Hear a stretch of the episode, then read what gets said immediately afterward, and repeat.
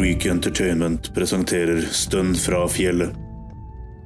En snirklete tidslabyrint med avstikkere til sangens grøner og såger gjennom 400 års utrolig historie. Året er 1623. Stedet er Sandsvær i dagens Kongsberg, hvor det ennå verserer et sagn om to unge mennesker og en rekke tilfeldigheter som i sum skulle skape norgeshistorie. Dere får også bli med på en avstikker til havnebyen Skien, hvor en liten lyssky handel fikk etterspill som ingen av de impliserte i sin villeste fantasi kunne forutse. Funn av sølv på en diffus flekk på datidens norgeskart hadde skapt furore i de kongelige korridorer. To gjetere fra et øde område kalt Sandsvær spiller en sentral rolle i den nyvunne interessen for edelt malm i sørøstre deler av Norge. Man skulle tro at den regjerende konge Kristian 4. hadde mye å takke ungdommene for, men disse detaljene kom ham neppe for øre. Likevel, i dag, over 400 år senere, lever historien om de to unge videre, og nevnes i samme åndedrag som den salige Christian Kvart. I Kongsberg lærer skolebarna den dag i dag at sølvet ble funnet av Helga og Jakob, to ungdommer som gjette buskapen i skogen.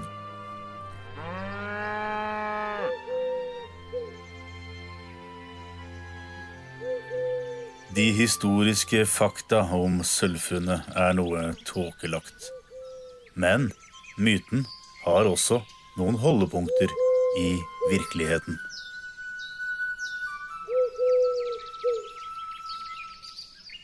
Det er sensommer og på tampen av setertiden. Helga Verp og Jakob Grosvold er naboer på sine respektive familiegårder i Sandsvær. De er ute for å se til at dyra på beite ikke vandrer seg vill eller skades av rovdyr. Det er ofte barn som settes til slikt stusslig og lite krevende arbeid. Eller barn og barn. De to er langt oppe i tenårene og må i stor grad gjøre voksnes arbeid på gårdene. Jakob har vært villig til å bli med Helga til seters. Her var det fredelig og rent, i motsetning til hjemme på gården. Der pågikk et svare leven uavbrutt der sov små og store i samme stinkende seng, hvor lus, midder og lopper bet dem til blods. Der vanket irettesettelser, slag og rapp, og privatliv hadde man bare kun tidvis, og da på dassen.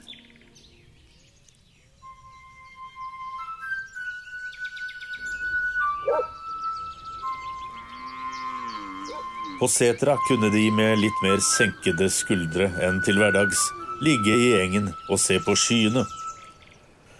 Jakob hadde også vikarierende motiver for å være med til seters. Helga, kom litt nærmere, er du snill. Sånn? Ja, jeg skal vise deg noe. Se her. Jakob, ikke!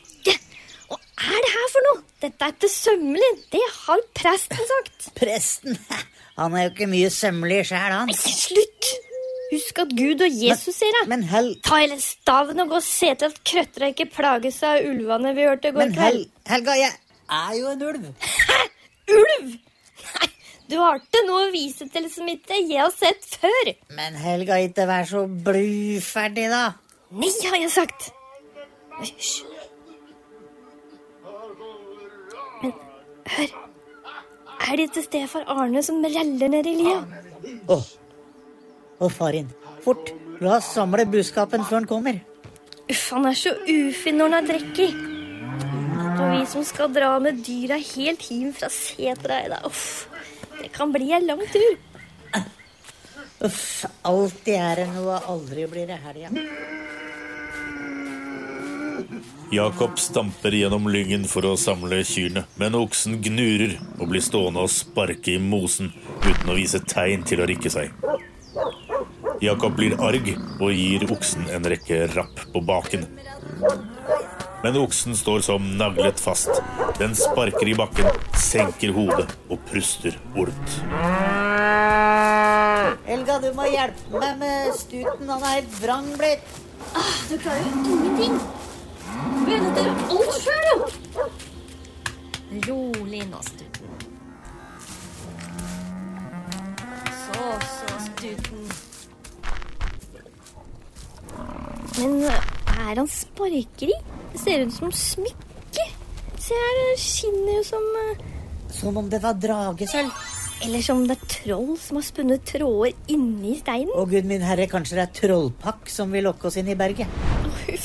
Fort, la oss få ned stutebeistet bort herifra. Usj, gå av sted nå. Åh, Arne blir vel gæren for at vi ikke har kommet noe lenger. Vent, kanskje jeg skal pelle med litt av dette for å gi til Arne. Om han slår seg vrang, ja, så får han kanskje noe annet å tenke på. Helgas stefar Arne skulle gå ungdommene i møte for å bistå dem med å få dyra med fra seterstulen og hjem til gården. Han var godt på en snurr etter å ha drukket en knert med alle han møtte på vei opp mot berget. Nå som slåtten var i hus, fløt det av sprit på bygda. Han var i et underlig lune, slik han gjerne ble av litt skjenk, og det lovet ikke godt for de unge og aller minst for stedatteren, som han hadde en utenifra sett noe besynderlig oppførsel overfor. Og spesielt når han drakk brennevin. Ja, så dere har ikke kommet lenger? Og unnskyld, Erne, men oksen var så vond å få med. Han sparka i måsene og ble til å rikke. Tomsnakk! Dere har vel ligget i gjenga og tafsa her, det som verre er.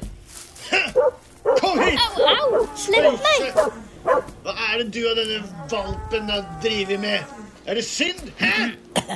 Altså, herr hva du antyder her, det, det har ikke funnet sted. Stille gutt! Ellers så får du smake oksebeisen! Slutt, Arne. Slutt å dra i stakken. Stopp, sa jeg. Hæ? Svarer du meg, gutt? Eller altså, jeg mener, om du stopper, så har Helga noe å vise deg. Ja, ja, far, vent litt. Jeg har noe å vise deg. Vise meg. Jaså? Hva da? Slipp meg først. Dette bør være bra. Se her.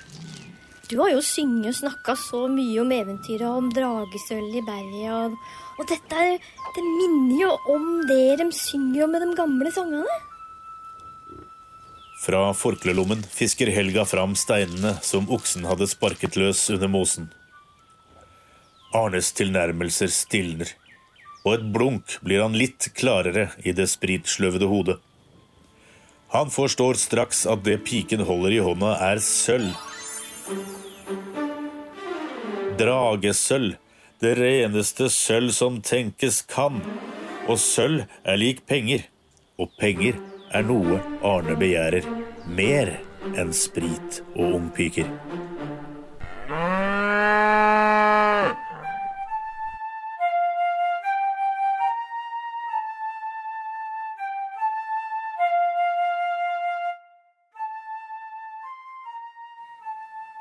Arne Verp hadde siden han var barn hørt sagn og sanger om at det fantes sølv i traktene. De handlet om dragen som voktet sølvet, og at den som våget å drepe den, fikk tilgang til skatten. Det høres kanskje tussete ut i dag, men folketroen i Bygde-Norge på denne tiden var blottet for fornuft. Legenden om sølvet var ofte omsunget i mørke husmannsstuer, og i vintermørket, med glør i grua som eneste lyskilde, og vintervindene pipende rundt husveggene, ble sagnene om sølv og drager levende. Draken våker i berget grå. Skatten skal men ikke få. Sølvtråder spunnet inn i berget. De edlaste tråder han held inn i stein. skydda dei er for mann og for svein. Sylvtråder spønne inn i berget. Hver ein som har freista, gikk i drakens bål. Den eig ikkje sylv som vert brenne til kål. Sylvtråder spunne inn i berget. Den mann som kjeme med sverd gjort av ild, og sigrave draken fer skatten så gild. Han fer sylve så er spunne inn i berget. Fer sylve som er spunne inn i berget.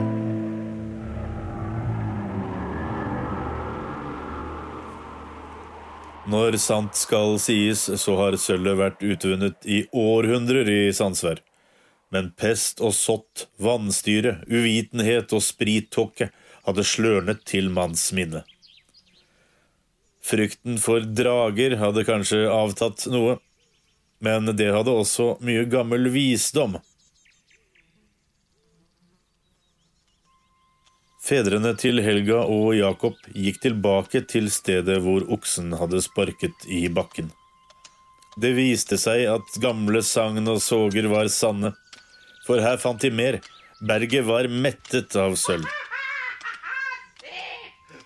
De kunne pirke det ut med fingrene etter noen få kakk med øksa. Sammen smidde de om det føyelige sølvet til knapper. Gjorde de alt riktig nå, kunne det bli slutt på sult og armod i all fremtid. Men å handle med sølv var farlig. I ethvert sogn hadde prester, futer, fogder og lensmenn sine tentakler ute.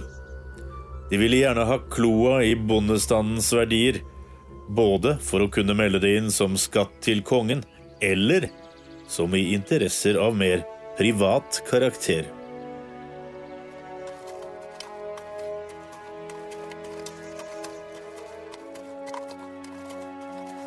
For ikke å vekke oppsikt red Arne til Bragernes og til Skien, hvor ingen kjente ham, og hvor det fantes anerkjente sølv- og gullsmeder. Og ikke minst var det utenlandske handelsmenn og kremmere i havnen. Her kunne sølvet selges i hemmelighet. Dersom ryktet om deres rikdom skulle spre seg i samsvær, var det nok av naboer som ville kreve sin del for å holde tyst. I Skien hadde Arne solgt en pung med sølvknapper til Rasmus gullsmed, og det til underpris. Rasmus hadde hvisket om dette på kroen. Sølvhungrige tyske handelsfolk meldte brått interesse. Vel handlet de med trelast, men dersom en dum sandsværbonde solgte sølv til latterlige priser, var dette vel så interessant. Ja, du. Her ist das Silber.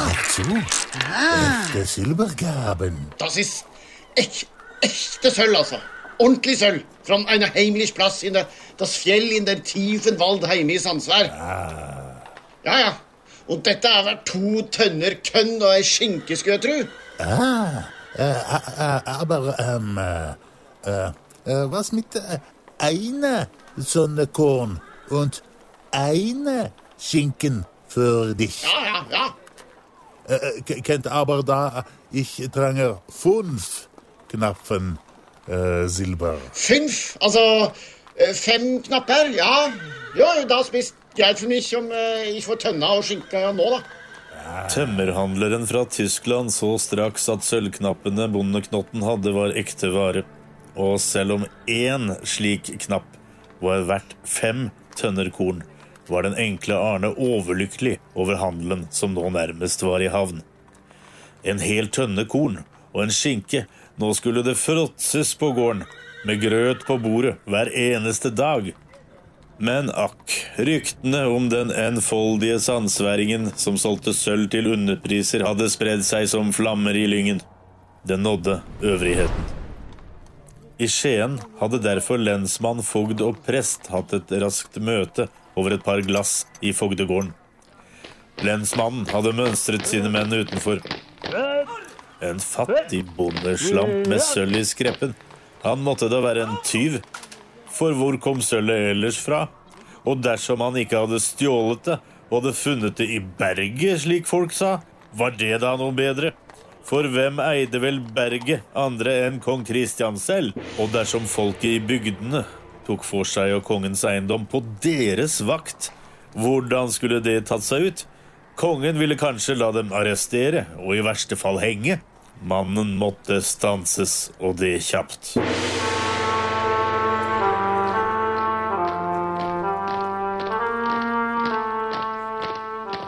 Se der, lensmann. Der, ved benken foran vertshuset. Er ikke dette den omtalte bondetoppen? Mener du han lysluggen som sitter og gestikulerer med den tyskeren foran kneipa der? Jo, det er ham. Ja, men så grip ham, da. Ja vel, herre Fogd Persson. Eh, karer, der er mannen. Grip ham. Ja vel, Herr Scheiße, das bist der Polizei. Ich muss. Hva, hva sier du? Skal jeg ikke få køntene mi? Og sk- skinka? Gespringen du også, bondetamp. Aber du arresteren bist. Jeg, jeg skjønner ikke. La nå tyskeren springe. Det er bondetampen vi skal ha. Ta, ta meg? igjen, så ikke han også får Hva er det dette?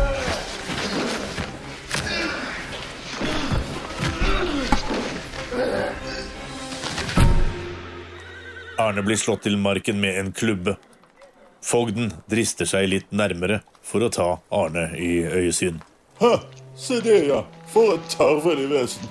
Løft tjuvknekten opp på krakken der. Lensmann, få hit en pøs med vann, slik at vi kan vekke kanaljen opp. Ja vel, herre Fogd Persson. Eh, karer, få ut en spann med sjøvann. Vi må forsikre oss om at tørperen lever. Lensmannen i Skien hadde ikke for vane å behandle sine arrestanter med silkehansker. Han hadde til enhver tid en tropp med kraftige dragoner parat.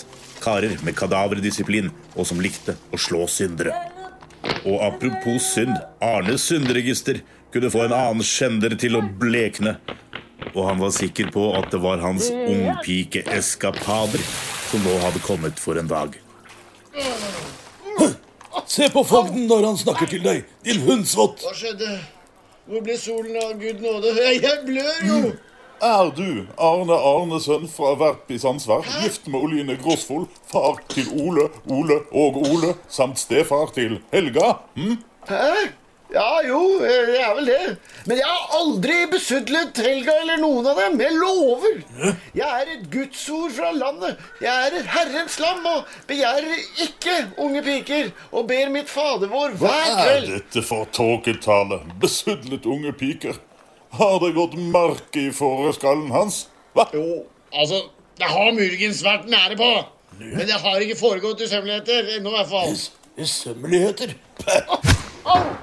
Vi er ankommet for å snakke om eders befatning om besittelse og omsetning av sølv. Sølv, ja. Ikke om besudling av Helga. Hva er det delikventen fabler om besudling og Helga? Er han ikke mør nok i hodet ennå? Klabb til ham en gang til. Au!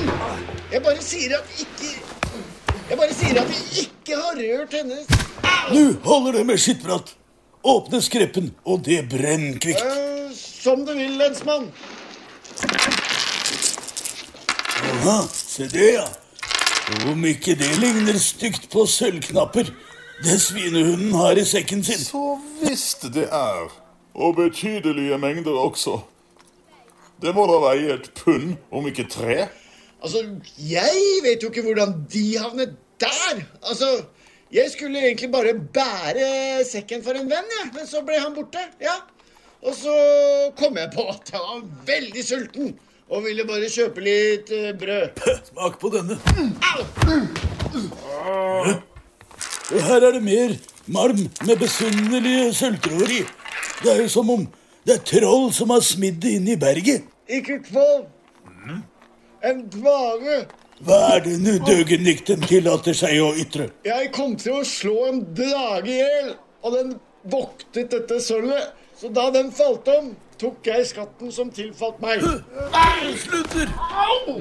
Fogd Persson, Hører de det som nå tyter ut foran på kanaljen? Drage. Vent litt, jeg har hørt tale om dragesølv. Det forekommer visstnok stedvis i Guds natur. Naturen, gud bedre. Men da, da er jo sølvet fra berget. Og det er jo kong Kristian i egen høyeste person sitt berg. Ja, eller dragen sitt. Huff, dragen. Nei, nå er det nok. La oss ikke sludre. Øverst står Gud vår Herre, dernest Jesus Kristus, hvorpå kong Kristian er Kristi høyre hånd på jorden. Berget er kongens, og likeså sølvet. Punktum. Ja vel, herre fogd. Men, men hva gjør vi nå? Kast ham i fangehullet. Jeg må tenke.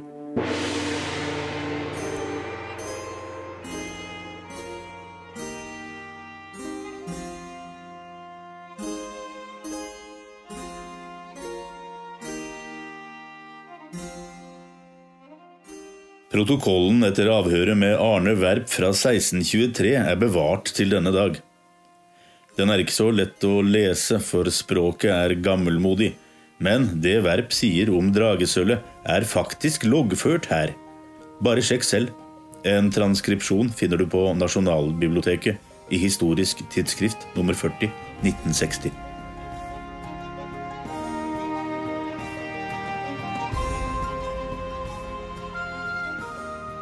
Sølvfunnet bidro til at kong Kristian kunngjorde at alt metall som måtte avdekkes i norsk natur, tilhører kongen. Han ga med dette blaffen i paragrafen om førstefinderens rett etter Bjergloven av 1539. Den var jo gammel. Nei, bøndenes eventuelle minedrift var ulovlig. Alle funn fra Sølvberget skulle innleveres, om finnerne ikke ville i tukthuset, da. Sølvet tilhørte jo ikke dem, det var jo en gave fra Vår Herre til kongen. I forordningen kong Kristian selv skrev, står det jo svart på hvitt at den edle malm tilhører, sitat, den høyhet og rettighet som av Guds den allmektiges nådigste velsignelse etter loven tilkommer oss og kronen. Klarere kunne det neppe sies i 1623.